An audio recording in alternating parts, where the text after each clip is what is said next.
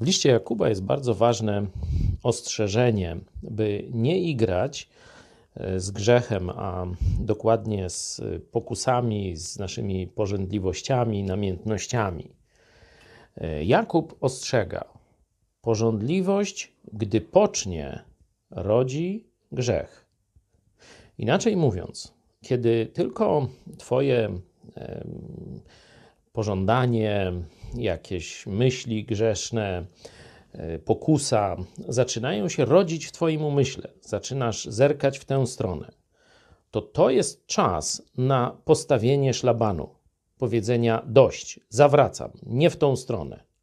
Bo jeśli pozwolisz, by ta namiętność, pożądliwość, pokusa, myśl zła w złym kierunku zaczęła w tobie, można powiedzieć, zaczniesz ją hodować, zacznie ona żyć w tobie, to ona nie pozostanie bezczynna.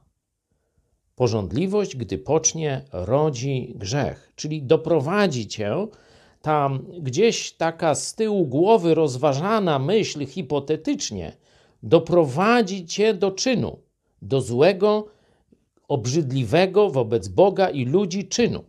Pożądliwość, gdy pocznie, zrodzi grzech, a ty jesteś odpowiedzialny za jej hodowanie.